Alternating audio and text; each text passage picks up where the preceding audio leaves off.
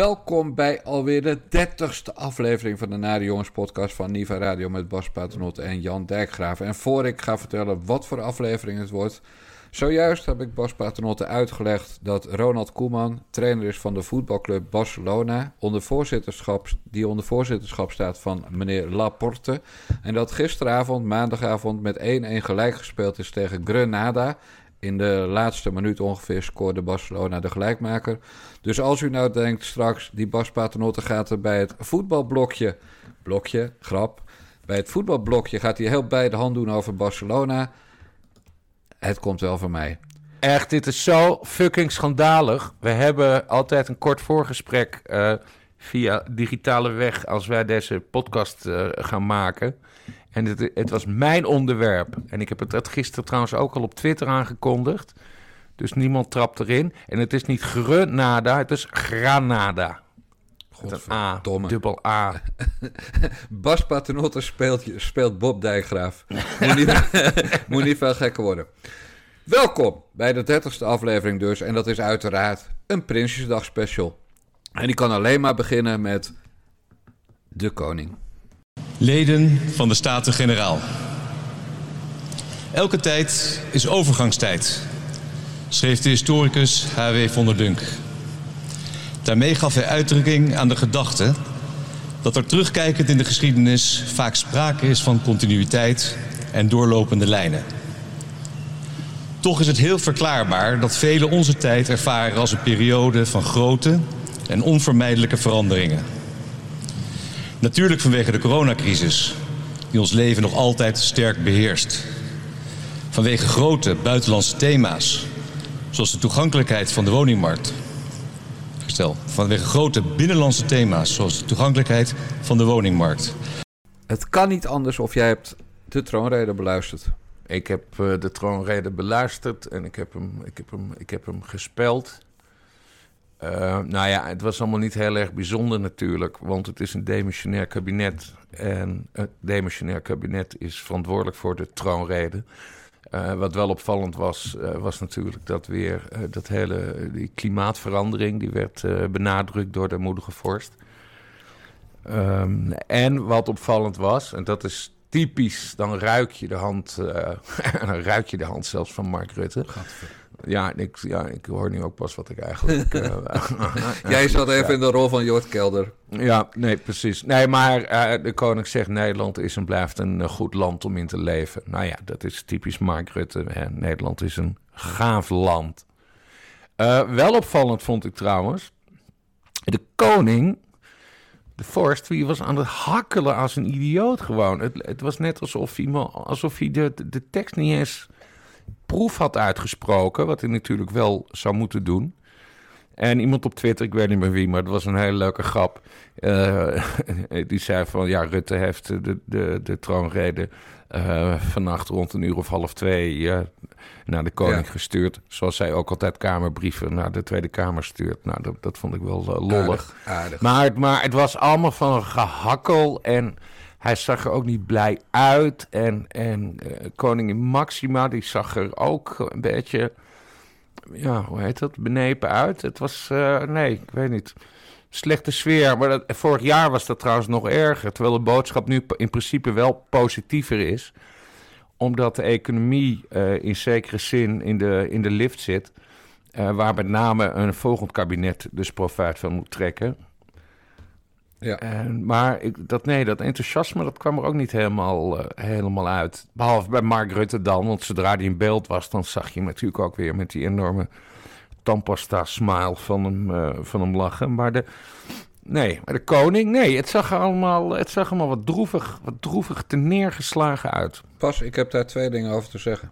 Mm -hmm. Kan dat? Het zag er erger dan ter neergeslagen uit. Het zag eruit alsof er iets aan de hand is iets ernstigs. Bijvoorbeeld met prinses Beatrix. Iets wat wij nog niet weten. Mm -hmm. uh, en iemand op Twitter, hoe noem je dat altijd? Het Dekselse Twitter.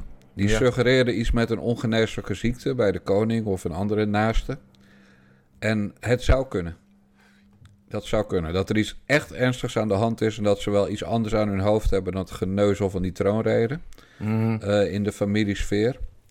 Dus als dat de komende week het geval blijkt, dan hoorde u het het eerste bij de Nare Jongens podcast. Dat was één. Ja. Twee, er kan nog iets zijn. De laatste dagen gaat het over Amalia en een eventuele lesbische relatie. Heb je dat meegekregen of niet? Jezus, waar haal jij dit soort nieuws vandaan? Ik heb Nou, hier- Peter Reewinkel eh, is als deskundige opgevoerd. En we weten Ja. allebei dat Peter Reewinkel een echte deskundige is als het gaat om de grondwet en het Koninklijk Huis.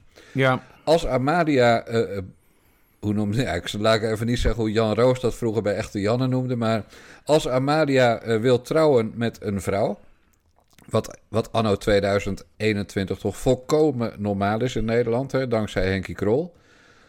Maar dan moet ze eerst afstand doen van de troon, ja. volgens de grondwet. Maar, waar, maar heeft Reewinkel dit in dat boek opgeschreven? Nou ja, dat weet ik niet. Het, het speelt deze dagen. En, en ja, je kent mij, Bas. Ik heb 400.000 bronnen naast Instagram. Hè. Het is niet alleen maar en Media Courant. Eh, ik zag het ergens langskomen. Dus de vraag was: mag Amalia eh, trouwen met een vrouw? Het antwoord is van Reewinkel kwam dat dus. En dat heb ik op Twitter gelezen. Dat mag wel, maar dan moet ze eerst afstand doen van de troon.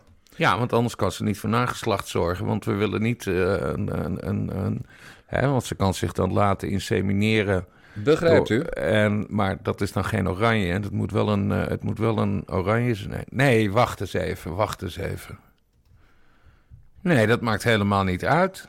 Nee, dus het heeft niks te maken met nageslacht. Nee, het heeft niks te maken met Het, gaat het, nageslacht. Dat het is heeft te maken met homofobie Ja, in de grondwet. Dus, is Nou, het, zou, vrij- het, zou, het zou wel extreem goede eh, reclame voor Nederland zijn in progressieve kringen. als wij de eerste lesbische vorstin eh, op de troon hebben. Ja, in elk geval eentje die er vooruit komt en het tot een huwelijk laat komen. Want verder Ja. weten we niet alles van die familie. Nee. Maar dat is natuurlijk vrij eh, stel, hè, want dat dit nu speelt. En stel dat die familie eh, meer weet dan wij. Want, want we zien eh, eh, wel de, de, de, de Instagram-gravin eh, allemaal op Twitter. Maar we zien nooit Amalia met een gozer of een vrouw. Want Nee. ja, dat mogen we allemaal niet filmen, want dat is privé en media. Nee, van, van, Amalia is wel bekend dat ze in ieder geval één keer een vriendje heeft gehad. Albert Mol heeft ook een dochter. En want daarmee... heeft Albert Mol, had hij echt een dochter? Kiki Mol. Oh, Absoluut. dat wist ik wist ja, niet. ja, een mooie Volgens mij weten onze luisteraars niet eens meer wie Albert Mol is. Albert, Weten dat- Albert Mol is de voorganger van Martien Meiland, over wie ik een boek heb geschreven. Het boek van Martien.nl. Ja. Dus Albert Mol was van wie van de drie? Ja, juist, Ja. juist. Ja, Ja. En, en daarnaast, maar hij was vol, in mijn beleving, hè, ik ben een eh, eind vijftiger, was hij de eerste openlijke homoseksueel op tv. Ja. Eh, maar het, het zou dus ook kunnen dat Amalia gisteren eh, heeft gezegd: Paps, mams, ik moet jullie wat vertellen. Ik, jullie denken wel dat ik een jaartje de wereld om, over ga om me voor te bereiden op mijn toekomstige taak. Maar dan moeten jullie wel even Marky Mark die grondwet laten veranderen de komende jaren. Ja. Want anders wordt Amalia helemaal geen koningin. Nee. En dan wordt het, naar mijn weten, eh, dat meisje op wie eh, een bekende Volkskrant-columnist een oogje had. Ja, ja, ja, Alexia is dat. Als, eh, als ze dan tenminste nummer 18 twee. is tegen die tijd. Ja. Spannende En tijden, Bas. bovendien, is er. is, ehm, is, ehm, eh, kun je ook nog een regentenkwestie krijgen dan? Dus dat. Constantijn. Ja, Ja, die is haar eerste man, toch? ja, Constantijn is de eerste man. Of- ja, of die, Max. Die zou dan regent kunnen worden. Totdat electiejaar 18 is. 18 is. Maar goed, zover, Gedoe. zover is er nog. Ze Ja, kan het gaat wel gedoe. Ze kan maar beter hetero wezen. Ik, eh, dat die geruchten over, eh, over prinses Beatrix, die zijn wel eens eerder geweest. Ik, heb geen niet- naam genoemd, Bas. Dit doe Nee. jij nu, hè? Nee, je had het erover prins, prinses Beatrix, dat ze Nee. misschien ongeneeslijk ziek is. Oh, dat bedoel je. Oh, ik dacht dat ze lesbisch was. Nee, nee, nee. Och, wat is dit nou weer? Kom op. Ze, ze valt op Duitse, Duitse diplomaten. Kom on. En, ehm, nee, maar dat, dat gerucht is wel eens eerder geweest. Ik weet alleen niet meer weer wanneer. Maar goed, ja, het viel jou dus ook op dat de, dat de koning eh er erg te neergeslagen Allemaal. uitzag. Jij de Ja, familie. en, ja, ja, Maxima ook. Ja. Ja. Kan, kan ook met twee andere redenen eh, te maken hebben. Vertel. Eh, de NOS die doet eh, ieder jaar, gaan ze even kijken hoe eh, populair eh, de koning is. En het vertrouwen in koning Willem-Alexander is gekelderd. 44% van de Nederlanders geeft aan vertrouwen in hem te hebben. Op Koningsdag was dit nog 57 procent. Dat wil trouwens niet zeggen dat de revolutie nakende is, want de steun voor de monarchie blijft ten opzichte van diezelfde Koningsdag nagenoeg onveranderd met 57 procent. Ja, Van de ondervragen, ondervraagden eh, die het Koninklijk Huis eh, steunt. En verder hadden ze wel een beetje goed nieuws, want eh, je hebt de, de koning die wordt betaald in een A-component en een B-component. Aanstaande is zeg maar zijn privé-salaris. B-component is dan eh, veel, vele miljoenen eh, om, om zijn hele, hele huis te onderhouden. En hij is nu voor het eerst is hij door de 1 miljoen euro privé gegaan, onbelast. lekker. Ja, het is 4000 euro extra vergeleken met vorig jaar. maar, maar toch, voor het eerst door die 1, eh 1 miljoen. 1 miljoen netto. Ja. Ik zit toch nog even te denken. Ik vind het wel opmerkelijk. Ze zagen er te neergeslagen uit, maar hij was ook aan het hakkelen. Het Ja. optre- hij kan veel beter spreken. Het is geen grote spreker, maar hij kan veel beter spreken. Het, ja, dat is wel iets. dat Is, dat, Er godverdomme. is iets aan de hand, Bas. Ja, Ik, ja. ik verwacht dat binnenkort wel op TPO te lezen. Ja. Nou, op zich is de RVD er altijd wel heel duidelijk in. Die komen dan, als er echt iets serieus aan de hand is, dan komen ze gewoon met een persbericht. Dat ja, maar het moet ze- wel eerst ergens gestaan hebben. Voor ze het dan gaan ontkennen ofwel Ja. of bevestigen. Ze gaan niet uit zichzelf melden van... Nou, die heeft nu eh, eh, leverkanker omdat ze te veel gezopen heeft of zo. Dat Ja. doen ze niet. Nee. Maar we weten ook niet waar het over gaat als het zo is. Maar in elk geval, we hebben het hier als eerste aangestipt. En dus niet als nieuws gebracht. Hè. We zijn Jantje Roos niet, maar we hebben het aangestipt. Ja. Dat dat een mogelijkheid is om die treurnis van die Oranjes eh, op Prinsjesdag te verklaren. Interessante theorie. Dat bedoel ik. Ja. Ja, die populariteitspol valt dus nog wel mee, want het kabinet scoorde dezelfde dag 32% dat is een historisch dieptepunt, geloof ik. Ja, ja. Zullen we het over het kabinet gaan hebben? Want die, die verder, die, die, eh, ja, die- dat, die, die, dat praatje was niks. En eh, de algemene beschouwingen komen nog. ja. Dus laten we even de niet-hoofdrolspeelster van de algemene beschouwing aan het woord. Ik ga veilig, voor, veilig leuk door als fractievoorzitter en eh, hopelijk een kabinet maken. We gaan formeren. Nog meer tijd. Wanneer heeft u dit besluit genomen? Dat gaat bij mij nogal organisch.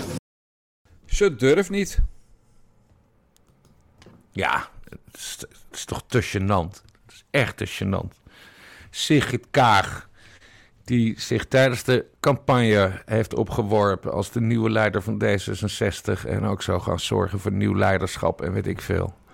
Doet gewoon niet mee aan het belangrijkste, belangrijkste debat van het parlementaire jaar, de algemene politieke beschouwingen. En ze schrijft het af op, op Robbie met een kutsmoes dat ze zichzelf met de begroting heeft bemoe- bemoeid. Alsof Rob Jetten als tweede man Niet heeft gedaan. eh, dat niet heeft gedaan. Nee, ze doet het in de broek. Ze is bang voor vragen over, eh, Alles. over alles. Ja, ze is bang voor Wilders. Daar komt En, en ze is sowieso bang voor Wilders, want die, die had er echt korte metten mee gemaakt. Ik denk trouwens, als, als de mensen dit luisteren, dan zijn de algemene politieke beschouwingen al bezig. Ehm, eh, eh, ik denk dat Geert Wilders de kwestie sowieso aan de orde gaat stellen. Hij kan er niet naar de Kamer roepen of zo, want dat, het ene Kamerlid kan een ander Kamerlid niet tot Oh, zoiets jij denkt dat ze, dat ze ook niet daar gaat zitten, in die Eh, bankjes? Nee, dat, ze gaat er niet eens zitten. Oh, want, ze- ze nee, want thuis- Wil- Wilders die gaat er natuurlijk wat over zeggen. Ja, maar dan hoef je toch niet te reageren? Ja, dat kan, maar dat, dat wordt wel heel gênant, want dat wordt allemaal gefilmd. Dus volgens mij gaat ze niet eens, eh, gaat ze niet eens in de plenaire zaal zitten. Dus ze neemt een snipperdag. Het is net een snipperdag. Godskaleren. Nou ja, ze blijft wel, ze blijft wel in de buurt. eh om te moet ik in een, eh, in een kantoortje om, eh, om contact te houden. Maar nee, ze gaat er denk ik niet, niet zitten. Nee, want Wilders, die, die, die gaat er natuurlijk aanspreken dan. En dan moet Rob Jetters zeggen, nee, maar ik doe het debat, ik doe het debat. En Ja, het is een Of er, vertoning. zit nog, of er zit een nog groter plan achter. Maar goed, wij zijn altijd een heel klein beetje van de complottheorie. Eh, dat ze het ook nog eens bewust doet dat ze zich wel heeft voorbereid op een aanval van Wilders. En dat als zij haar persoonlijk aanspreekt, dat zij dan, weet ik veel, iets hooghartigs gaat zeggen wat werkt bij haar achterban. Maar niet bij de gewone man of bij na- de nare jongens. Dat denk je. Ja. Maar zij Nou kan, ja, het kan. Nee, nee, maar Kan. zij kan Wilders toch niet hebben? Zij kan hem toch gewoon niet aan? Ze wordt, nee, ik weet niet meer welk debat. Ze hebben één keer een echt stevig debat gehad toen ze nog, eh, toen ze nog minister was. En dat ze toen zo boos op Wilders werd, dat was prachtig. Ja. Want, want Wilders die geniet ervan, want die had er uit de tent, eh, uit de tent gelokt. En die Rob Jetten, ja, dat is veel meer een robot. Eh, hè, dat, is, dat is eh, gezegd. Maar hij is gewoon robotesk in het, Ja. in het debat. Je kan het ook onverstoorbaar noemen. Ik heb Rob Jetten ook maar één keer boos gezien. Ik weet alleen niet meer op wie dat was. Prenske Leijten volgens mij. Meen je dat? Ja, dan had Ja. Renske gelijk. Geen, geen idee wat het over ging, maar team Nee. Renske dan. Ja, ja. Nee, hij heeft één keer, één keer heeft Rob Jetten in de Tweede Kamer eh, emoties, eh, emoties getoond. Nou, wat grappig. Hé, maar Kaag die heeft dus nog één baan op dit moment, hè, betaalde. Dat is eh, een volksvertegenwoordiger. Ja. En dat is 100, eh, ongeveer 140.000 per jaar, omdat ze ook nog toeslag krijgt als fractievoorzitter. Ze krijgt toeslag per zetel van haar fractie. Ja, dus dat is eh kaching, kaching, kaching. En dan zegt ze inderdaad, ik ga niet, want ik was verantwoordelijk voor, eh, mede verantwoordelijk voor de begroting.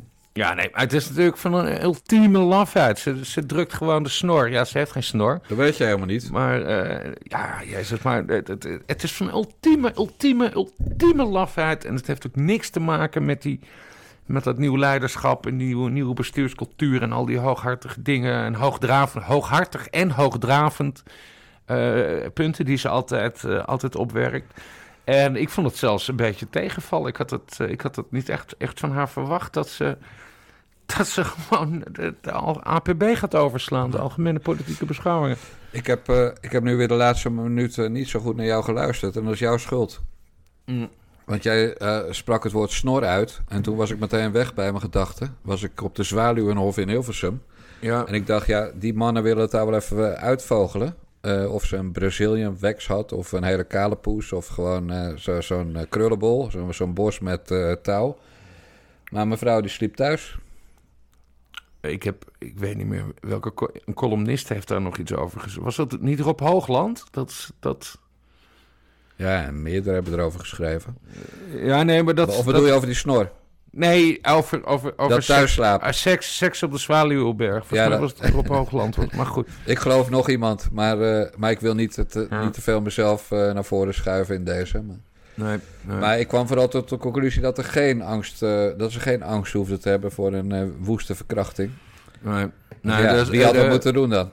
Nee, bij de hele Zwaluwhoofd. eh, de- eh, Geert Dales heeft daar een column over geschreven. Die, Ja. is, wel eens, die is er wel eens geweest.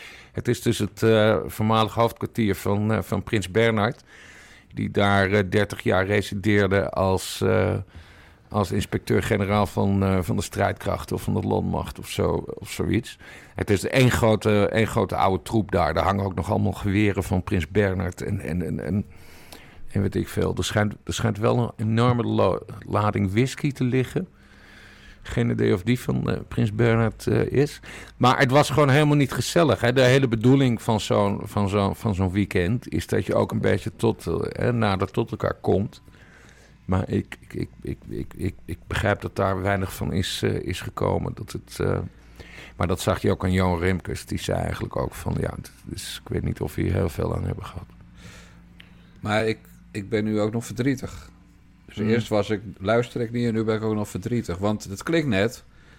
Kijk, ik doe elke dag mijn best om om 9.31 uur op tpo.nl het briefje van Jan te posten. Ja. Eh, dan denk ik, ja, dan hebben jullie ook eens lezers. Ja. En ik heb zo sterk het idee dat jij mijn briefje van Jan over eh, de Zwaluwhof niet hebt gelezen. Nee, Want daarin ging het over seks met Kaag. Ja. Daarin ging het over dat, dat ze had moeten meedoen aan het apenkooien en, en het zuipen na het eten. ja. Eh, kortom, dat ze de boel verziekt had door thuis te gaan slapen. Dan was het niet Rob Hoogland die het schreef, maar dan was jij het. Ja, dat is toch heel kwalijk, Bas. Ik, ben- Ja. ik ben, ben jullie spits. Nou, niet spits, ik ben jullie Denzel Dumfries. Is dit trouwens niet het briefje wat jij was vergeten te Nee, plaatsen? nee, en dat nee. ik, in, en dat, dat ik smiddags zelf heb moeten Nee. plaatsen. Nou, dan zou het nog schandaliger zijn, want dan heb je het van tevoren gelezen en dan had het Nee, maar nee omdat, ik, omdat ik een zeer druk bezet man ben. Ach, en als man. jij, als jij je briefje vergeet te plaatsen, dan moet ik dat heel snel gaan doen. Want anders krijg ik weer allemaal gedonder. Als jij zo doorgaat, ga ik naar de Joop, man. Net als Chris Alberts. De oh, maar, nee, maar dat is mooi. Chris Alberts, we gaan het even heel snel over Chris Ja, hebben. heel kort Want- dan. Want die is dus- jagen we iedereen weg. Ja, nee, maar Chris is dus bezig met een serie over Volt. Eh, hè, dat- dus dat is zeg maar dat nog eurofielere D66. En dat, en dat kun je van Chris... eh, Je kan veel van Chris vinden. Maar hij duikt altijd vol interesse in zo'n serie. En deze is dus voor Jo.nl. Maar, eh, maar als hij dan slechte dingen tegenkomt, schrijft hij dat ook gewoon op. En nu zijn allemaal folters woest op hem. Eén, een folter heeft in een intern, intern bericht in, ja, hoe noem je dat? Zo'n zo'n zo'n Telegram-ding van Ja. al die volt-politici. Heeft gezegd, ja, die, die Albers, dat is gewoon een psychopaat. En ik vond het zo opmerkelijk, want dat deden die jongens van Forum voor Democratie... toen hij voor ons een serie over FVD schreef. Die deden dat ook. En dan zeggen ze van, oh nee, maar die man is gewoon niet goed bij zijn hoofd. Ja. Dus die folters, dat is ook gewoon tuig. Ja, dat, eh, dat is voor mij geen nieuws eerlijk Die, gezegd. die, die, zien, die zien Chris Albers als een enorme stoorzender. Helemaal omdat hij op een, op een medium eh, deze serie publiceert, namelijk de Joop. Waar, waarvan je zou verwachten dat het eh, pro-volt zou zijn. Want Europa en, en, en progressief en bla bla bla bla. bla. Ja. Goed bezig, die Alberts. Waarom doet hij dat bij Joop en niet bij jullie eigenlijk? Eh, hij, hij wilde heel lang wilde die op meer media staan. Wat ik best wel slim vind. Want jij, jij en ik weten hoe het is om freelancer te zijn. En eh, dus hij schrijft ook voor de. Hij schrijft voor ons, hij schrijft voor de kanttekening. En hij, eh, hij schrijft dus voor Joop. Hij heeft een column in het Noord-Hollands Dagblad, meen ik. Nee, hij is, eh, hij, is het, hij, is, hij is zijn praktijk gewoon gaan verbreden. Er is helemaal niks mis mee. Ik, ik wil heel graag altijd mensen exclusief houden. Maar ja, dat kan gewoon niet in deze tijd. Nee, echte talenten niet, zoals Chris. Nee. Ja, jij moest ook lachen. Geef me toe. Zo naar, zo naar. hoor je. Ja. nou ja, ik blijf ook lekker op briefje van Jan.nl. Als ik niet bezig ben met het boek van Erika.nl of het boek van Martien.nl. Hè? Ja. Zo werkt dat. Hé, maar dat thuisslapen was natuurlijk de, de, was funest, hè? Als jij een weekendje, en dat weekendje was maar van 12 tot 12, 24 uur. Maar als je dan s'avonds om 9 uur na het diner zegt... Als Mark Rutte zegt, neem me nog een wijntje. En je zegt dan, eh, nou sorry, ik ga thuis slapen. Ja, dan, dan zeg je eigenlijk gewoon, jongens, dit is gewoon, deze poppenkast is kansloos. Eh, Ja. dit, gaat hem niet worden. Ja, terwijl het de hele bedoeling was van de Zwaluwberg om nader tot elkaar te Ja, komen. precies. maar ja, goed, ze, ze zei dat vorige week ook al in het ene debat. Eh, van, eh, ik ben erg op mijn privé en ik hou niet van kopjes koffie drinken. Ik vertrouw alleen maar mijn familie en een paar goede vrienden. Ja, dat zijn ook hele rare opmerkingen Ja. als je in een, in een formatieproces zit... Wat, wat stil ligt en wat notabene je eigen schuld is. Even heel kort, hoe gaat het aflopen, de formatie? Nieuwe verkiezingen? Ja, daar hebben we nu al duizend keer over gehad. Ja, maar Eh, elke nu- week Nou verandert. ja, er, er moet een keer iets gebeuren. En eh, het, het, het beste is als Johan Remkes binnenkort zegt... Nou jongens, ik zie er, eh, ik zie er helemaal niks meer gebeuren. En we moeten terug naar de Nederlandse kiezer. En dat zou ook het meest logische zijn. Ja. Want het duurt, het duurt nu al een half jaar. En er is 0,0 vooruitgang. Ja, wat heel goed is, is dat, eh, dat, dat, ge- dat geneuk van eh, Ploemen en Klaver, dat geloof ik allemaal wel. Maar wat natuurlijk wel heel goed is, dat hierdoor die hele actie van Sophie Hermans, die even steun ging zoeken, echt vanaf de eerste minuut kansloos was. Hè? Ja, nee, maar alles is kansloos. Ja. Kunnen zelfs, zelfs hè, dat, dat gaat dan over, over de begrotingen... die dus binnenkort voorliggen in de financiële beschouwingen. Ja. En eh, dan, dan probeer je ook als kabinet eh, andere partijen te masseren en te sonderen, heet dat. Wat een heel vies woord is eigenlijk, sonderen. Moet ik altijd denken aan eh, Eric Cartman. Wie is dat? eh, Eric Cartman uit die, eh, uit die, eh, hoe heet die, die videoserie. eh, House die of Cards? Nee, die tekenfilmserie. Oh, Bas, hou eens op. Ik ben, Ja, nee, ik ik ben, kijk ook naar 59, de man. Nee, maar Eric Cartman die wordt dan gesondeerd in zijn achterste door een buitenaards wezen. Dat is echt te Oh. grappig voor woorden. Ja, Betekent dat je kont geneukt? ja, son, ja sonderen. Sonderen. Dus je, je steekt iets ergens in om, om de temperatuur te, Oh, ja. te, te, te meten. Maar goed, eh, Die daar Erik, hebben- die Erik Dingers uit die tekenfilmserie is een huisarts. Nee, het is een klein dik jongetje. Oh, En, god. eh, ja, ik weet ook niet meer hoe het heet. Maar ja, godverdorie. Wacht Maar even. even... Nee, maar misschien dementeer ik wel. nee, want je gaat nu weer googelen zeker. South, South Park natuurlijk. Oh, South Park, zeg dat dan South meteen, Park. man. Ja. Erik Carmen, dat hele dikke, Ja, dat weet, ik, dat weet ik jongetje. niet. Dat weet ik niet. Ik lees Ja. alleen eh, biografieën en, eh, en de geschiedenisboeken. Ik heb helemaal geen tijd voor tv. Ja, of je schrijft biografieën. Ja, maar wat natuurlijk niet kan, als je mensen moet masseren, is dat je je pratende pratende pop Sophie Hermans erop afstuurt. Dan doe je als je Mark Rutte bent, doe je toch even zelf het vuile werk, denk ik hoor. Ja, nou ja, ze, ze is natuurlijk wel een soort, soort, soort footman van, van Rutte. Dus ze, ze zal wel vaak als liaison, eh, liaison officer voor Mark Rutte hebben, hebben opgetreden. Maar dat PvdA en GroenLinks uh, gelijk de deur dichtgooide is wel grappig. Ook al kwam volgens mij Klaver er weer een heel klein beetje op terug. Maar... Ja, maar die kunnen elkaar nu echt niet meer loslaten. Nee, voor de nee want dan staan ze voor lul. Dat bedoel ik. Ja, maar definitief voor lul. Dan, dan gaan ze bij de volgende verkiezingen helemaal, helemaal kapot. Ja, Nog verder. Ja, ja. Leuk man, spannende tijden. Ja. Nee, Zo. het is tijd voor nieuwe verkiezingen. De ja. kiezer moet maar weer eens uh, zeggen wat we gaan doen. En wie er na de verkiezingen absoluut wil terugkomen, maar niet moet terugkomen, dit figuur. Hoe gaat het op het terras uitzien als je even naar de wc moet? Want je hoeft hem dus niet voor een terras te hebben. Binnen weer wel. Ja, binnen weer wel, klopt. Dat was ja, de keuze eigenlijk. Hè. De Kamer heeft die keuze gemaakt. Nou, de Kamer zei, doe nou niet uh, op die terrassen, uh, maar alleen binnen in de horeca. Dat kan, maar dan is de consequentie inderdaad dat in veel gevallen het zo zal zijn dat als je even naar het toilet moet, dat je hem alsnog moet laten zien. Dat klopt. Dat is en, echt de praktische uitvoering? Ja, natuurlijk. Ja, natuurlijk. Ja, tenzij je uh, op het plein de, een dictie naast de, naast de terrastafel zet. Maar anders is het inderdaad de consequentie dat je als je naar binnen gaat, dat je hem alsnog moet laten zien. Dat hoort er nu eenmaal bij. Maar zo'n uitzondering dan op het terras om geen coronatoegangsbewijs te hebben, ja, dat, dat, dat, slaat dan ook eigenlijk nergens op. Je kan niet eens naar de wc dan, toch? Nou, dat ben ik niet met je eens. Hugo fucking de jonge. Die helemaal niks, maar dan ook werkelijk niks kan. Althans niet goed. Nee. Wat heeft hij nu weer geflikt? Hij stuurde, hij stuurde maandagavond een, uh, een briefje aan de Tweede Kamer dat verschillende medewerkers van verschillende GGD-regio's op non-actief zijn gesteld vanwege fraude met vaccinatiebewijzen. En dat gaat dan over die QR-codes en zo. Uh, dat ze valse QR-codes hebben aangemaakt. En er is ook één iemand aangehouden. Het is alleen mij niet helemaal duidelijk of dat dan ook een GGD'er is. Maar ja, ja, is een 20-jarige jongeman. Oh, is ja. ook van, was hij ook van de GGD? Oké. Nee, maar hè, criminelen die zijn, hier, die zijn hier gek op. Uh, want begin dit jaar werden er ook al GGD-medewerkers aangehouden. Maar dat ging, dat, dat ging over datadiefstal. Dus dat je gewoon allemaal BSN-nummers en, uh, en 06-nummers en persoonlijke adressen uh, uit die database legt, legt van, van de GGD. En die dan gaat verkopen. Maar hier zijn gewoon QR-codes verkocht. Ja, of ze moeten het uit vrije wil hebben gedaan voor vrienden. Dat kan ook nog. Maar het lijkt me dat mensen hier toch ook altijd wel een centje aan willen, willen verdienen. Ja. Maar het bewijst gewoon dat die, die, ja, de overheid en ICT is sowieso altijd rampzalig. En bij die GGD zitten dus enorme lekken. Want je kan, je kan dus informatie verkopen, je kan QR-codes verkopen. En ja, het valt allemaal onder demissionair minister van Volksgezondheid Hugo de Jonge van het CDA. Die overduidelijk helemaal geen fuck kan. Nee. Overigens, voor mensen die uh, uh, niet gecontroleerd willen worden, mm. die dus geen coronapas willen laten zien, mm. dan zou ik zeggen: alle kroegen in de gemeente De Frieske Marren gaan niet, worden niet gecontroleerd.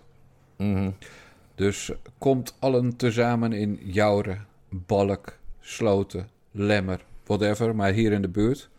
Als je, wil, als je tegen uh, checken op de coronapas bent. Want er is geen controle. Heb ik uit een zeer betrouwbare bron. Dus al het gezeik okay. van al die mensen van uh, wij willen de kroegen dit. In, in uh, de Frieske Marre wordt gewoon niet gecontroleerd op BOA's. Tenzij mensen er een teringzooi van maken. Oorlog gaan voeren, knokken, weet ik het allemaal. Dan komt er alsnog controle. En dit geldt natuurlijk voor veel meer gemeenten in Nederland. Maar dat weet ik dan niet. Kortom, het gaat helemaal fout met die, uh, die check op die coronapas. Ja, Femke Halsema notabene... Uh, die zei ook dat ze, dat ze niet wil gaan uh, laten controleren. Ook alleen bij excess inderdaad. Ja, dat klopt. Ja. Dus er, mo er ja. moet echt, als er niet gereld wordt en mensen gaan gewoon naar de kroeg, hoeven ze helemaal niks te laten zien op de meeste plekken. Mogen ze gewoon allemaal naar binnen. Ja, en, en waarin Hugo de Jonge wat mij betreft echt weer liet zien wat een intens, slecht, vuile, vieze teringrat het is. Zeg ik het zo netjes? Ja, ja. ja ik ben columnist, nee, keurig, columnist dus dat mag. Ja. Is natuurlijk dat gedoe met die dicties. Van dat hij dan verloren heeft van de Tweede Kamer. Hè. Die zeggen dan terrassen niet. Terras hoef je die coronapas niet te laten zien. En dat die smeerpijp dan uh, met het uitgestreken smoelwerk van hem gaat vertellen... ja, maar als je wil gaan plassen Ja, binnen, ja, dan moet je natuurlijk wel je pas laten zien. Nou, dat, dat, dat is zo dat smerige, sadistische machtsmisbruik van die gozer... waar echt iedereen helemaal spuugzat van wordt.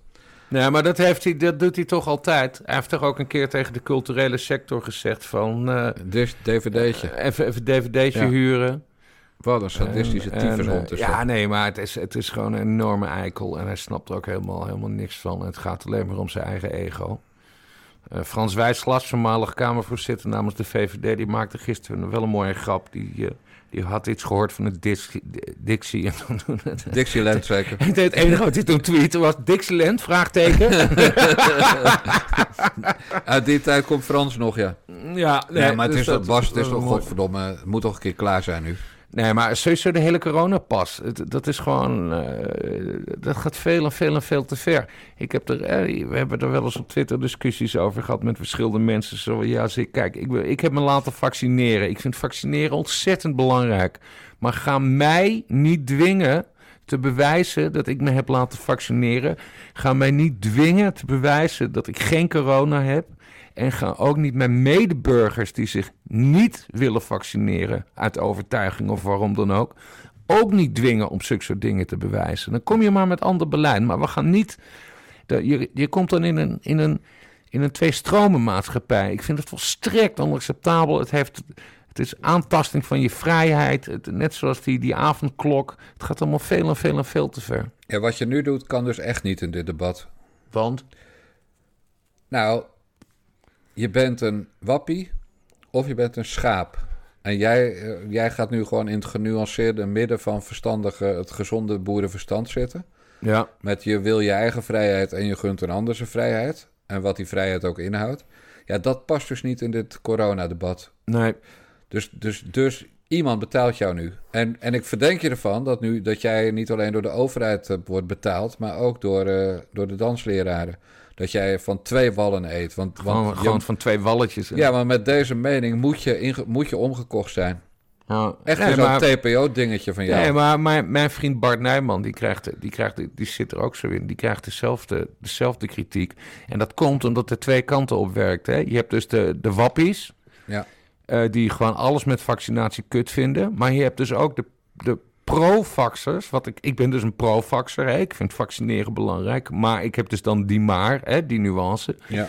Maar je hebt dus een soort pro-vaxxers...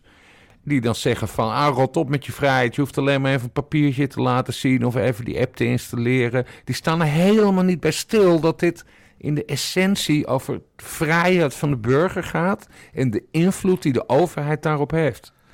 En dat, ja, als dat nuance is, dan, dan Ja, ben ik is heel nuance. erg... Ja, nee, het is ook nuance. En nee, het zijn dus twee kampen en, eh, en sommige mensen zitten daar, eh, zitten daar tussenin. Ja. Nou hebben wij ook mensen die van de nuance houden, zoals Wim. En Wim is onze topdonateur.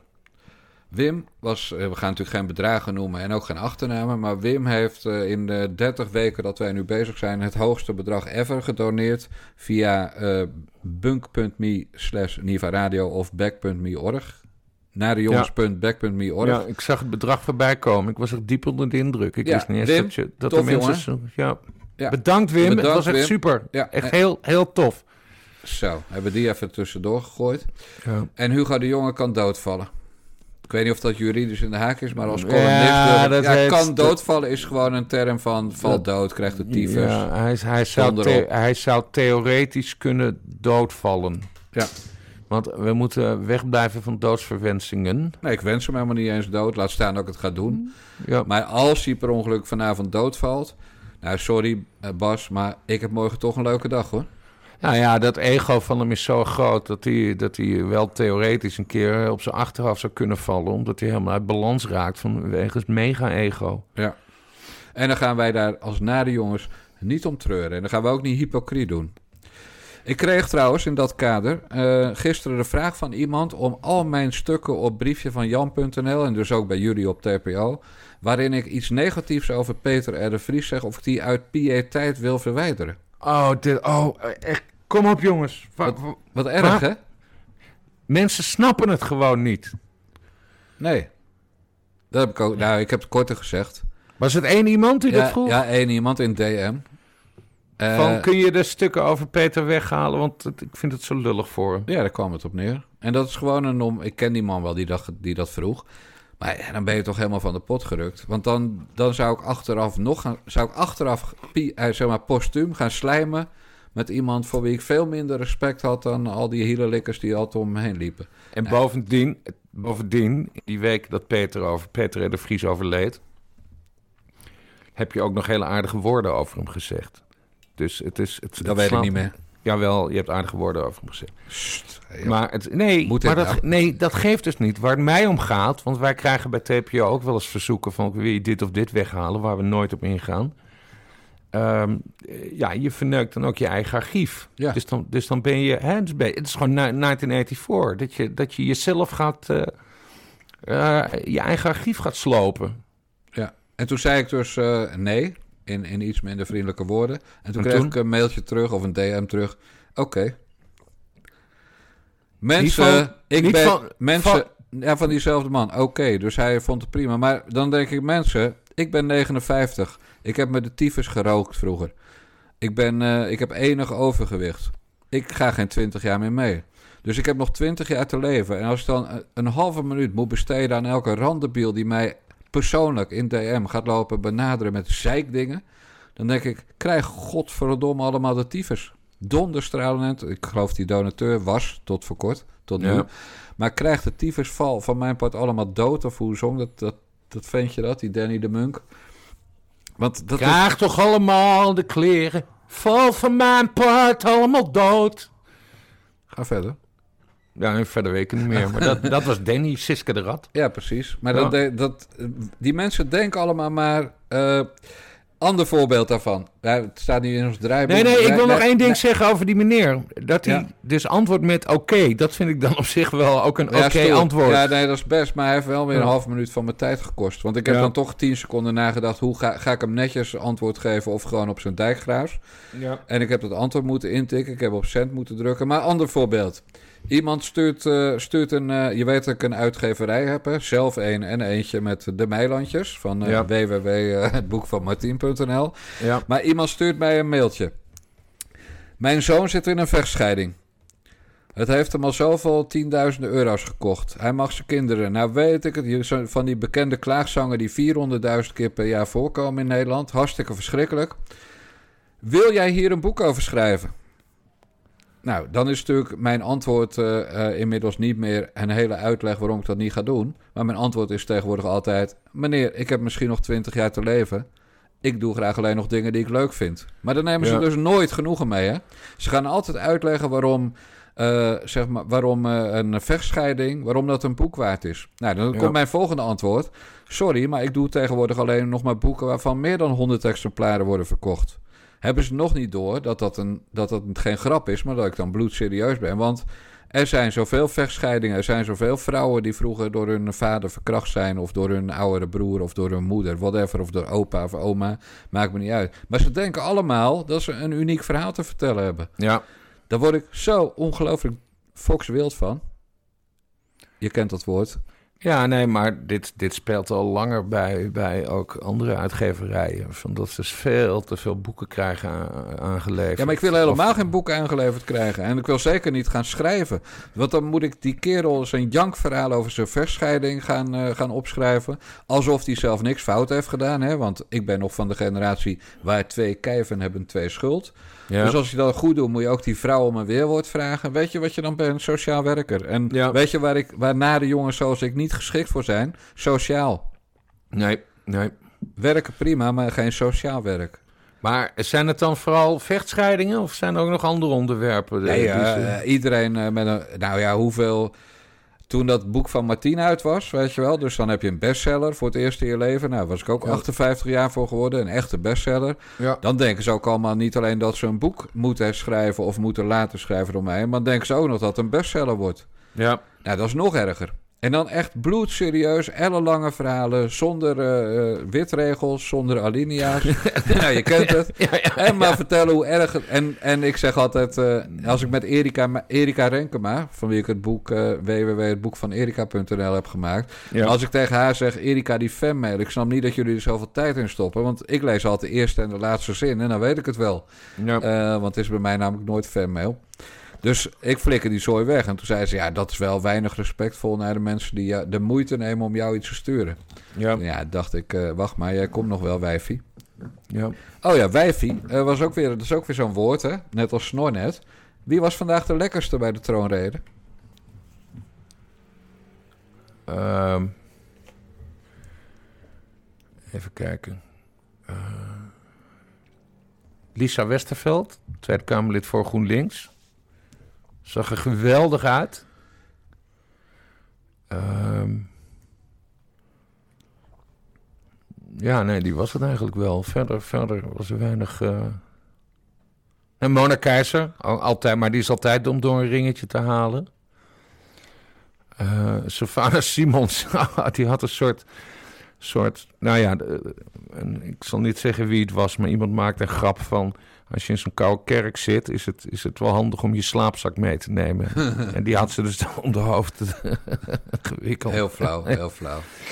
Ja, was een, was een Surinaams kledingstuk, hè? Wat ze op de verkeerde manier. Ja, dat, het was dat, wel... ja, ja, ja. Nee, het was allemaal niet zo. Ik vond het allemaal. Nee, dat viel er eigenlijk ook allemaal, allemaal wat tegen. Je van, wat vond je Fleur van... Agema, Fleur Agema zag er trouwens ook leuk uit. Die let er ook altijd goed op.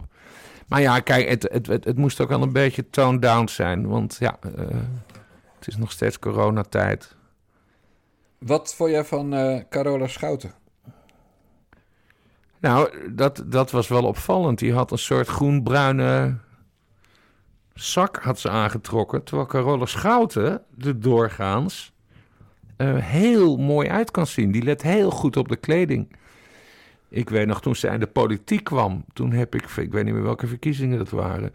Toen heb ik voor Panorama nog uh, onze oude opdrachtgever uh, Lekkere Wijf in de Tweede Kamer gemaakt. Dat, ja, maar dat kon toen nog, hè? Dan kon, dan kon je gewoon een stuk schrijven. Kon je daarna nog over straat, ja. En, to, en, toen heb ik, en toen heb ik haar op de cover gezet. Oh? Want ze, ja, nee, want ze, ze ziet er heel goed uit. Ze heeft een beeldig figuurtje. En een leuke kop. En, maar ze, heeft, ja, ze, had ook, ze had ook een soort naaktslak op de hoofd. ja, of een autoband of een kapot, of een kapot gereden helm. Ja. Uh, moet even licht aan doen trouwens, want het wordt donker in Utrecht. Oei. Ja, dat betekent dat bijna Massa is Kassa op SBS 6 is. Dus we hebben niet veel tijd meer dan. Dat wie op SBS 6 is? Massa is Kassa van Peter Gillis. De, bekende, oh, de bekende, de bekende kap, kapotte, kapotte staakerven-ondernemer uit Brabant. Ja, die ik nog, nog steeds nooit naar heb gekeken, ook al moet dat van jou. Komt een biografie van hem uit op 1 november, geschreven door Mark Koster. Dus die mhm. snapt het kunstje inmiddels ook, die Mark. Goed bezig. Want de Mol heeft het niet gedaan. Het zijn boek over de mol, dus uh, we hebben het wel veel Is zijn boek over de mol slecht uh, Nou, niet heel goed in elk geval. Nee hoor, ik denk dat hij er geen 20.000 van verkocht heeft. Maar is nou, niks mis mee. Hallo, 20.000, dat is toch hartstikke veel? Nee, dat, ja. Dat niet, het... niet, in, niet in jouw regio, jij als um, uitgever miljonair inmiddels. Valt wel mee, valt wel mee. Valt maar Koster had er ook, uh, had toch onthuld, die, die mishandelingszaak ja, ja. met, uh, met Johnny? Ja, klopt. Ja, dus bij, bij Endemol komt hij niet, of Talpa komt hij niet meer binnen. Nee. Maar goed, Peter Gillis. Uh, wat ik nog wilde zeggen over Carola Schouten. Ik vond juist dat er één foto was waarop ze er eigenlijk uitzag alsof ze prinses zou kunnen zijn. Uh, dus gewoon mooi. Maar toen zoomde ik in. En dan moet je even, als jij dat wil doen morgen, uh, want jij bent van de stijltweets. Al tien mm. jaar uh, let jij op kleding en andere uiterlijke futiliteiten. Van politici en het Koninklijk Huis. Exact. Het lijkt erop alsof er afgelopen nacht een, een meeeter kleine kinderen heeft gebaard. En die zijn allemaal op haar kin beland. Dus als je dat even wilt checken, en dan hoor ik graag volgende week uh, of ik dat goed gezien had. Oké. Maar daar zit een ongelooflijke laag poeder op die, uh, op die bek. Uh, en daardoorheen zie ik allemaal zwarte puntjes op haar kin. Oh. Nou heb ik gisteren... Krentenbaard, zou het krentenbaard zijn? Ja, Bas, dat vraagt dus aan jou. Want jij bent expert op het gebied van stijl en andere uiterlijkheden bij Ja, maar niet op medische kwesties. Nee, maar kijk nou gewoon voor je gaat babbelen. maar het ziet er gewoon eng uit. Dus dat ik dacht van het is niet de Carola Schouten die ik ken. Want verder deel ik jouw mening over haar. En christelijke meisjes zijn in zekere zin net als Joodse meisjes. Ja, en ze is, ze is ook a, ja, atypisch voor, voor een zware christen. Want ze is natuurlijk een nette, nette christen. Maar ze heeft wel een, een, een kind wat ze opvoedt in zonde. Van een, en de vader komt uit Israël, meen ik. En daar is het trouwens ook altijd heel erg open over. Ik vind dat altijd heel mooi als mensen uit die kring... of uh, zij is dan van de ChristenUnie... Uh, neem, jou, neem jouw neef uh, uh, Elbert, Dijk, ja. El, El, Elbert Dijkgraaf. Hè, die is zelfs gescheiden om met een... met, met een Inmiddels. Oh god, die is ook al afgetreden. Ja, zo, ja, ja. Nekklacht. Oude, oude nekkie. Ja, laat neef Elbert maar, maar vrouwen tegen het plafond gooien. Ja, Alleen, hij moet ze wel opvangen voortaan als hij ze naar boven Nee, maar je kan, je kan veel over de SGP zeggen. Trouwens, ik ben best wel fan van ze. Puur ja, ik naar, naar een kamerwerk. Maar hij is daar gewoon open over geweest. Hij is, uh, hij is eerst overspannen geraakt en later... Uh, uh, heeft hij eerlijk verteld dat hij problemen in zijn huwelijk had. En het derde persbericht wat we kregen was uh, dat hij een relatie kreeg met, met, met, de, met oh, Jezus Christus. Ik, ik, wil natuurlijk niet in familiezaken treden, Bas. Nee, Hè? nee dat, zou, nee. dat zou slecht zijn. Net als jij dat nooit doet bij die Jan Paternotte van D66. Maar als dit in de artiestenwereld, de entertainmentwereld gebeurt... Even goed luisteren. Ik, Ja. ik vervang nu de naam van neef Elbert Dijkgraaf even door die van André Hazes junior. Ja. André Hazes junior is overspannen. André Hazes junior meldt in een persbericht dat hij gaat scheiden van zijn vrouw. André Hazes junior meldt in het volgende persbericht dat hij gaat samenwonen met een andere vrouw. Wat Ja. denk jij dan over André Hazes junior en zijn moraal qua vreemd gaan? Ja, nee, maar dat is, dat, is een, dat is een grote bende. Maar we weten van Elbert Dijkgraaf dat hij in de, in de basis een nette vent is. Terwijl die André Hazes junior, zonder dat ik nou af wil doen aan zijn, zijn muziekkwali- muzikale kwaliteiten. En, eh, maar eh, eh, ja, maar dat is, dat is een heel ander verhaal. Dat is ook veel ordinairder. Want, want, want Ra- Rachel Rachel, hè, die, die ook gek op roken is, net zoals ik... Die, die is dan weer ruzie aan het maken met die ex. En dan gaat ze op de foto met die nieuwe. En ze hebben allemaal hun tanden laten witten. En het ziet er allemaal onnatuurlijk uit. Nee, geef, ik heb dan liever zo'n zo'n nette eh, kwestie als Elbert Dijkgraaf... dan zo'n mediarel. Ik doe nog een poging, Bas. Het gaat om de volgorde der dingen, zoals dat heet. Mhm. Er zijn drie dingen, drie momenten in een kwestie. Moment 1 is, iemand stuurt een persbericht. Dus hè, moment 1 is, iemand stuurt een persbericht. Ik ben nu met Tamara van Ark. Ja. Moment nummer 1 is, ik zit overspannen thuis. En moment 3 is, ik ben weg bij mijn vrouw. Plaats jij nu de dingen in de goede volgorde. Wat gebeurde er eerst? Wat kwam er toen? En waar eindigt het mee? Zal ik Ja, het voor je doen? Ja, nou, doe jij het maar. Eerst kwam, ik ben overspannen thuis, tussen haakjes, want ik ben betrapt. Toen kwam, ik ga scheiden van mijn vrouw. En tenslotte kwam, nu mogen jullie weten wie mijn nieuwe vriendin is. Zou dat kunnen of niet? Ja, dat zou kunnen, maar... Maar dat doet neef dan- Albert niet, denk jij? Nee, maar nee, dan moet ik de hele tijdlijn nagaan. Volgens mij zat er echt heel veel tijd tussen. Hij is ongetwijfeld... Ja, het zijn SGP'ers, hè, dus dan... Ja, die, die Maar- doen het niet buiten de deur. Nee, nee, jij. maar nee, nee, dan krijg je ook allemaal van die ouderlingen langs, stel ik mij zo voor, die huwelijk gaan proberen te... Ja, te absoluut. Ja. Ja. Ja, dat klopt. Nee, maar kijk, het kan natuurlijk dat het allemaal netjes is gegaan. Proble- overspannen, want eh, problemen thuis, bla bla bla. Eh, komt niet meer goed. Scheiden. Nou, allemaal schande, schande, schande bij de SGP. En, god, wat een geluk. Een half jaar later ontmoet hij opeens voor het eerst in zijn leven Tamara van Ark, gescheiden vrouw.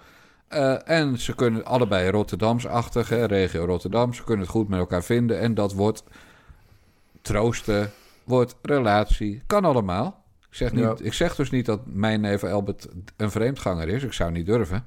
Hmm. Eh, sowieso, geen enkele politicus zou ik dat van durven zeggen. Alexander Pechtel! Ja, Alexander Pechtel. ex- Ex-politicus is dat. Kees Oh. Verhoeven, is die er nog trouwens? Nu we het er toch over hebben. Maar goed. Nee, Kees, eh, Kees is, eh, Kees En, is eh, weg. en jij- heb, heb ik je eh, toch verteld? ja, ik ja, heb dat Kees weet ik, weet ik. onlangs ontmoet. Weet ik, maar... ik- Hij heeft een hartstikke leuke nieuwe sta- vrouw. stagiaire, dat was, een- stagiaire, was een oud, stagiaire, van hem. Nou, en dan Ja. nog even eh, de heer Wijsglas. Over, en de anekdote over de heer Wijsglas en eh, dat hij meer, minder moties heeft afgewerkt dan vrouwen. Anekdote, CQ, roddel, CQ, het zal wel niet waar zijn. CQ, ik heb geen zin in de rechter. Die anekdote, weet je wel? Ik heb dat nog nooit over wijsglas gehoord. Echt niet? Nee, je bedoelt iemand anders. Nee, ik bedoel niet iemand geloof ik anders. helemaal geen reet van. Nou, Bas. Wij, wijs, Frans Wijsglas is womanizer?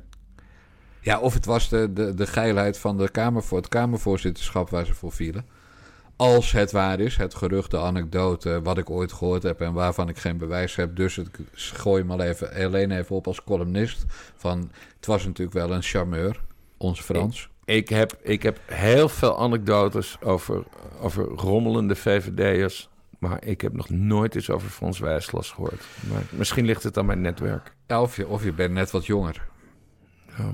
Nou, ik weet het niet. Eh, Oké, ik neem het terug. Eh, ik heb wel de anekdote en het gerucht gehoord dat Frans Wijsglas ook niet van de vrouwtjes af kon blijven. Maar het, ik heb er geen, geen foto's van gezien.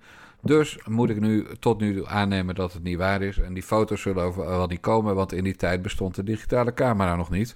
Moest je een rolletje laten ontwikkelen. En wie gaat er nou een rolletje ontwikkelen van een man met heel veel borsthaar en rughaar en een kale knar aan de bovenkant in het midden, zo'n domineeshoofd, die op een ander Kamerlid ligt?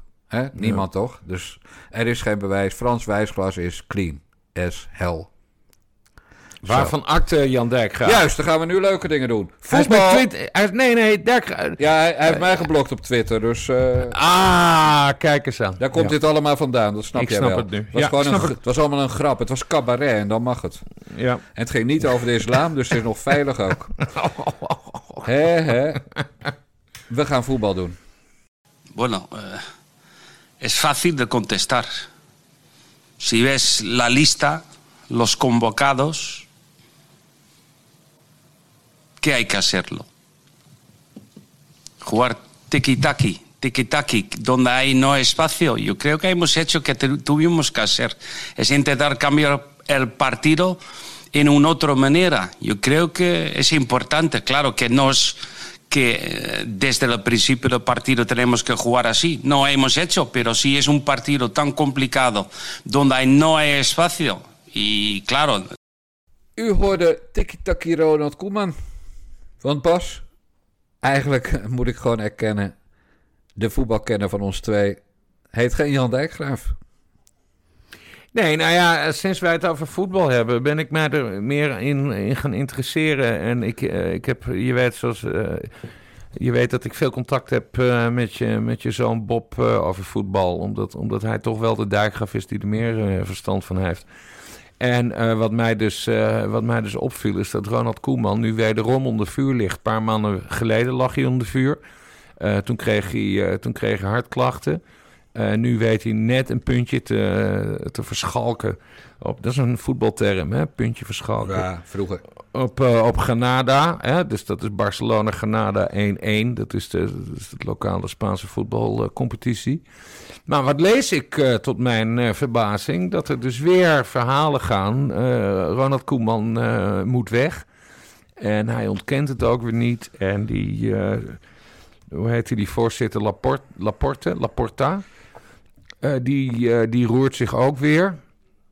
Heb jij het gevolgd? Wat is, er, wat is er aan de hand en wanneer? Want ik begin nu wel te twijfelen.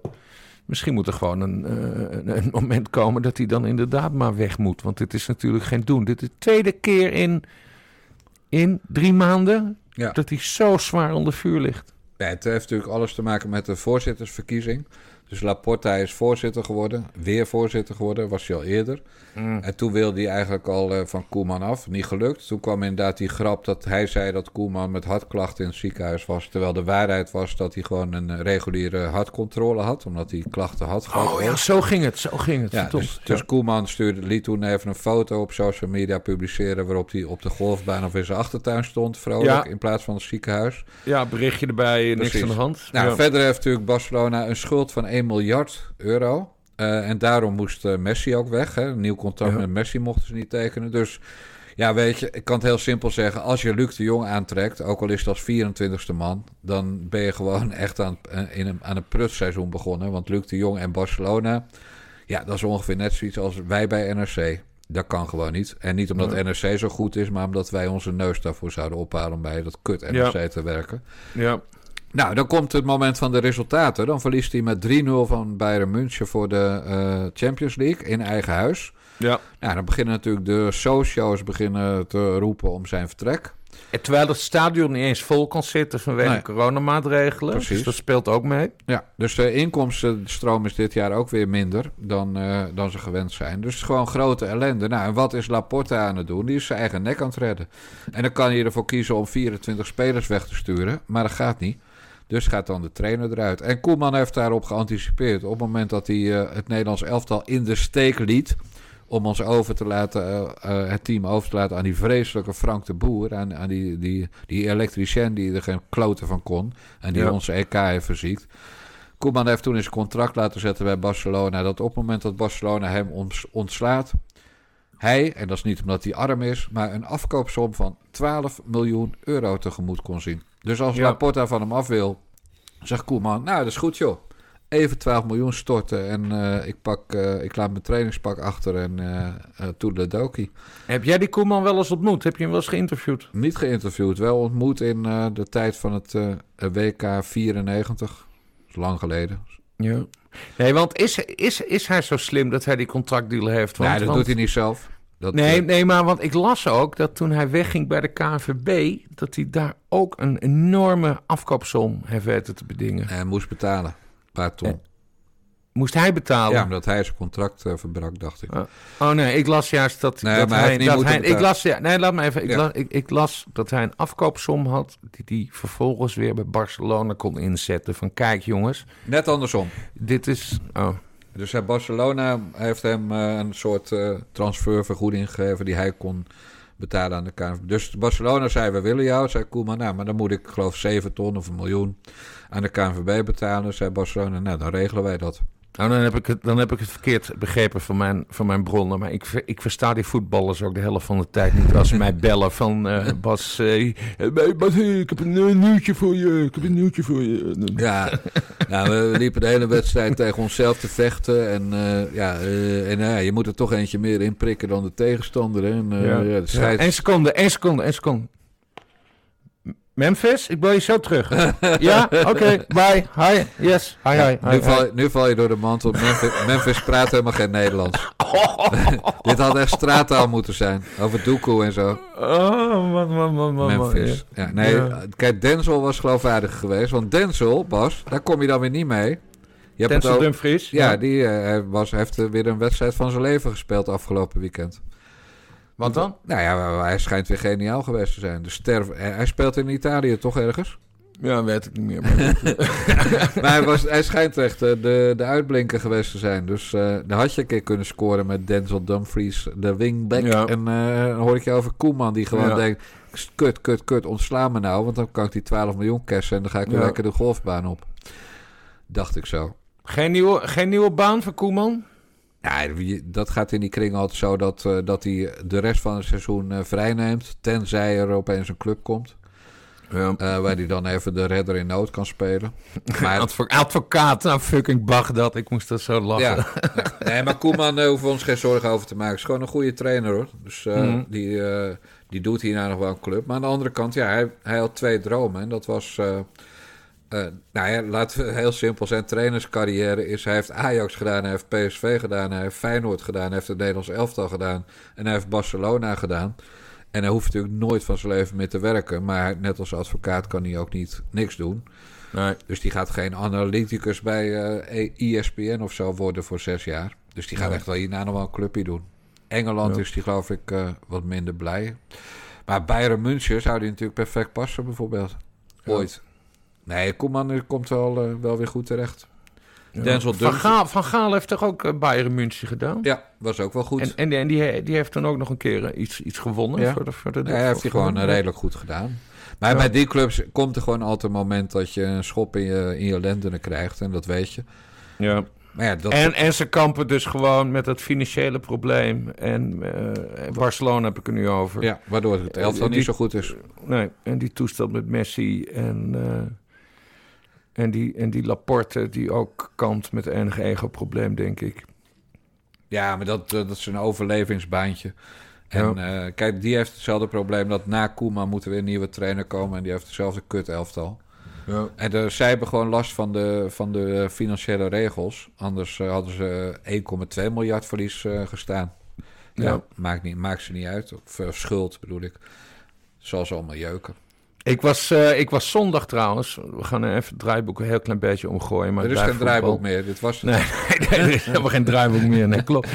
Nee, ik was zondag in, eh, in Friesland. Ik was op Laswold. eh, eh, mijn, eh, de verjaardag van mijn moeder aan het vieren. En dan, en dan rij je terug. Het duurt twee uur. Nog van harte. Zit, zit je, dankjewel. Je kwam dan dus zit- langs, hè? Je reed dan- langs mijn huis. En ja, nee, dan zeg Ja. ik altijd als ze Friesland binnenrijden en, en dan bij Lemmer, dan zeg ik altijd tegen Monique, mijn vrouw, die rijdt, want ik heb geen rijbewijs. Dan zeg ik, we zijn nu in Jan Dijkgraaf Country. En dan eh, moet ze altijd hard lachen en ik Ja. ook. En nee, maar dan rij je terug. En toen hoorde ik volgens mij wedstrijdverslag van Feyenoord PSV. Als jij tussen half drie en kwart over vier eh, naar huis reed wel. Ja, en er is een meneer Schmid en dat is de coach van PSV. Klopt. En die deed een wissel met een meneer Kojak. Nee, niet Kojak, dat is, eh, dat is iemand anders. En toen werd hij, en dat hoorden we gewoon op de radio, uitgejouwd door eh, zijn eigen achterban. Ja. Dat gaat dus niet lekker met die Schmid. Nou, die benadert het voetbal heel wetenschappelijk. Dus die schijnt letterlijk te kijken of eh, spelers vermoeid zijn en dan wisselt hij ze. Hmm. Eh, en dat is natuurlijk een, dat, dat gebeurt wel heel vaak bij trainingen. Ik heb dat bijvoorbeeld bij schaatsploegen wel meegemaakt. Dan, eh, dan meten ze de verzuring. Dus na een paar rondjes eh, krijgen ze weer een prikje in een duim. En dan kunnen ze meten of ze verzuurd zijn. En Ja. dat bepaalt dan onder andere hoe diep ze mogen gaan en hoe lang de training nog mag duren. Maar het is niet heel gebruikelijk om wedstrijden zo te benaderen. Want dan gaat het meer om of iemand goed speelt. En Nee, en de, en, het en, en, en de PSV-supporters, die snapten er ook helemaal Nee, geen fuck van. Want die begonnen hem uit te joelen. Ja, maar hij, hij is, eh, dit is zijn manier van werken. Ja. En laten we eerlijk zijn, tot afgelopen zondag eh, stond PSV gewoon bovenaan. ja. Alleen ja, nu niet meer. Want nu staan ze een puntje achter op eh, eh, 020. Hij heeft dus gegokt en verloren. Ja, maar de- ze hebben wel meer van die wedstrijden waarvan je niet snapt waarom het zo slecht is opeens. Het lijkt wat dat betreft Feyenoord wel. Ja. Maar dat past natuurlijk niet bij dat, eh, bij dat Brabantse volk. Hè? Dat er een soort wetenschapper daar eh, de trainer is. Dus dat, dat, gaat niet, dat gaat niet lang goed of hij moet alles winnen. Ja. Ja. Maar de- ja, het is wel, eh, Bas, het was gewoon 4-0 voor Feyenoord. Ja. En, eh, is het, ik- is het ik een Duitser, die Schmid trouwens? Zal wel, toch? Stimmt. Ja. Nee, maar dat, eh, ik denk dat iedereen die bij Ledbrokes, waar jij dus altijd je voetbal, eh, waar jij eigenlijk binnenloopt op je weddenschap. Vanwege mijn eh, analytisch inzicht. Juist. Maar iemand die, die daar had gezegd 4-0 voor Feyenoord tegen PSV. Nou, die had echt eh eh, gaatje in zijn hoofd, dacht iedereen. Maar ja, die had gewoon heel veel geld ge- kunnen winnen. Maar dat had Ja. niemand, niemand kunnen voorzien. En zo goed was Feyenoord helemaal niet. Maar ze benutten gewoon de kansen die ze hadden. Ja, ik Ja. vond het fascinerend. Ik vond het echt fascinerende radio. Want dat, dat doen ze wel goed hoor. Dit was dan dus Radio 1, dus dan Sport in Beeld op, eh, op de FM, of weet ik hoe dat heet. Sport in Eter is dat. Eh, Sport en Eter. Eh, maar ze brachten, er- eh, ze brachten het ook heel mooi. Ik weet niet wie die verslaggever was. En, en, en ze brachten ook dat gejoel van die supporters. Dat lieten ze horen. Ik vond, ik vond het fascinerende radio. Ja. De radio is bij, bij leuke wedstrijden veel leuker dan televisie. Ja, nou, daar moest ik dus aan denken. Voetbal is eigenlijk leuker op de radio. Maar stel je voor dat wij nu deze podcast met beeld zouden doen. Ja, dan jaag je toch ook mensen helemaal als een, als een speer weg. Er wordt toch helemaal niemand vrolijk van. Nou ja, we hebben, we hebben, we hebben camera's gekocht eh, Ja. voor dat doel om, eh, om ooit een keer eh, onszelf in, beeld, in beeld te brengen. Maar ja, ik weet, ja. Ja, we moeten er nog een keer gaan doen. Dat, ik- dat Ja. zeker. Maar we, ja, ja nou, ik weet niet of de luisteraars er blij van worden. Dus Nee, niet. dat denk ik nee. Kijk, ik ga morgen mijn nieuwe bril halen. Dus dan, ja, dan zeg je, kijk, kijk, hij heeft een nieuwe bril. Maar ja, dat boeit inderdaad niemand één en reet. Nee. En Nee. bovendien, die bril is ook niet gesponsord. Dus ik denk dat ik hem voor de uitzending dan af zou zetten. En, bovendien is er helemaal geen fuck te zien. Want je, de, ja, je zit een beetje te lullen. Ja, eh, eh, met een scherm voor ons en, en een microfoon. En, eh, en ik ben een sigaret aan het roken. En, En, en, en op mijn draaiboek aan het kijken wat ik eigenlijk moet zeggen. En, eh, en, Ja. en, en- en jij dan in je schrijvershuis. Doe je dit in het schrijvershuisje? Toevallig wel, maar het schrijvershuisje ben ik binnenkort wel kwijt. Daar gaat eh, Pim Dijkgraaf eh, zijn bedrijfje in beginnen. Oké. Kijk, maar er zullen te zijn de tijd zal ik, net als ik regelmatig zeg, het boek van Martien.nl en het boek van Erika met een C.nl, zal ik ook TZT wel reclame maken voor Pim Dijkgraaf in mijn schrijvershuisje. Maar Zo ben is, ik wel. is Pim nou ook al aan het schrijven? Nee, dat heeft hij jaren gedaan. Pim zit in de... Ja, in de boom boom muziek. Die zat toch in Berlijn Ook? In, ook, in die, ja. in die- En- in die en in de- atonale kutmuziek te maken. En in de SEO. En dat is geen voetbalclub uit Zeist of Soest, maar dat is iets met internet. Ja, onze technische man Jorka heeft het daar wel eens over. En dan, en dan, en dan kijk ik altijd wat wazig. eh, Ja, naar nou, dat, dat heb ik dus ook als Pim praat. Dat komt, dat, dat komt niet omdat ik hem niet kan verstaan, maar dat is omdat ik er geen reet van begrijp. Dus ik heb tegen Pim gezegd: jij moet even zorgen dat al die websitejes van mij drie keer zoveel bezoek gaan krijgen de komende tijd. Oh, dus, eh, slim. dus die klus gaat hij gewoon van mij krijgen. En, Ja. eh, maar goed, verder weet hij nog niet wat hij gaat doen. Maar in elk geval een eigen bedrijf in mijn schrijfhuisje. En dan mag ik er nog één keer in de week komen, namelijk op dinsdagavond als wij eh, de Naar de Jongens podcast opnemen. Ja. Waarmee- En gaat hij, dan ook, gaat hij dan ook wonen in het schrijvershuisje? Boven het schrijvershuisje. Dus hij, hij, komt, hij keert gewoon terug naar de, Naar de moederschoot. naar de moederschoot. Ja. Ja, hij woont nu in Haarlem, maar als je in coronatijd daar geen vaste baan hebt, is er geen enkele reden om daar te zitten. Want hij woont daar alleen. Nou, dan verveel je gewoon de pleuris. Oh, Oké. Dus eh, dat is klaar binnenkort. En, en gaat hij dan ook definitief verhuizen? Of Nou, houdt nee, hij eh, huizen aan? Hij komt, nee, dat huis gaat hij wel mee stoppen, maar hij komt tijdelijk hier. Dat is eh, tot hij een goed ander huis heeft. Echt, die zoons van ja, ik vind het wel allemaal geweldig hoor. Dat ze ook altijd van baan wisselen en nieuwe dingen doen. Ja, dat moet toch tegenwoordig?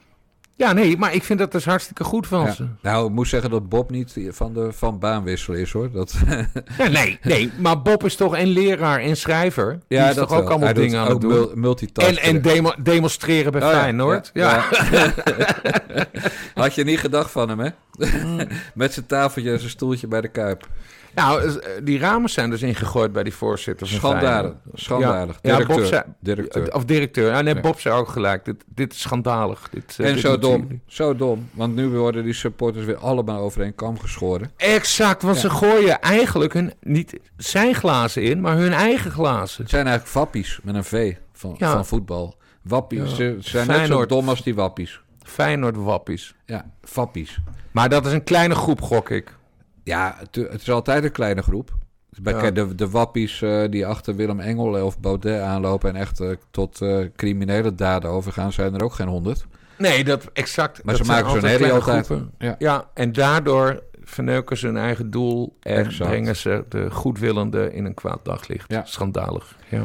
Nou, nu we het toch over eh, randenbielen en tuig hebben, zeg ik Bas, we gaan er een punt aan draaien. Want ik wil naar Peter Gillis van Massa is Kassa gaan kijken als jij het goed vindt. Ja, ik ga er absoluut niet naar kijken. Ik denk dat ik zo meteen nog even wat oesters eh, ga halen en een, eh, een lekker glaasje erbij. En eh, ja, prima. Oké, dit was de 30ste aflevering van de Nado Jongens podcast van Niva Radio. Onze website is nivaradio.nl. Doe net als Wim, doneer bij de Nado Jongens podcast op tpo.nl via nadejongens.backme.org of via bunk.me slash nivaradio. Heb je tips, wil je ons overladen met complimenten of wil je weten, Bas nog even een vraag, hoe is het met Bed Brussen op dat eiland van, de, van die vulkaan? Leeft Oh, dat- onze bed nog? Ja, nee, hij leeft nog. De, eh, Nee, dat is genoeg. Laat maar, laat maar verder. Oh nee. Bert, Bert leeft nog. Bert leeft nog. Ons overladen met complimenten? Heb je gewoon wat te zeiken? Mail dan naar die vette pad op redactie.nivaradio.nl. Een mazzel. Het, het, het is Naomi. Het, eh, Ik doe hem even over. niet die vette pad. Bas, ik doe hem even over.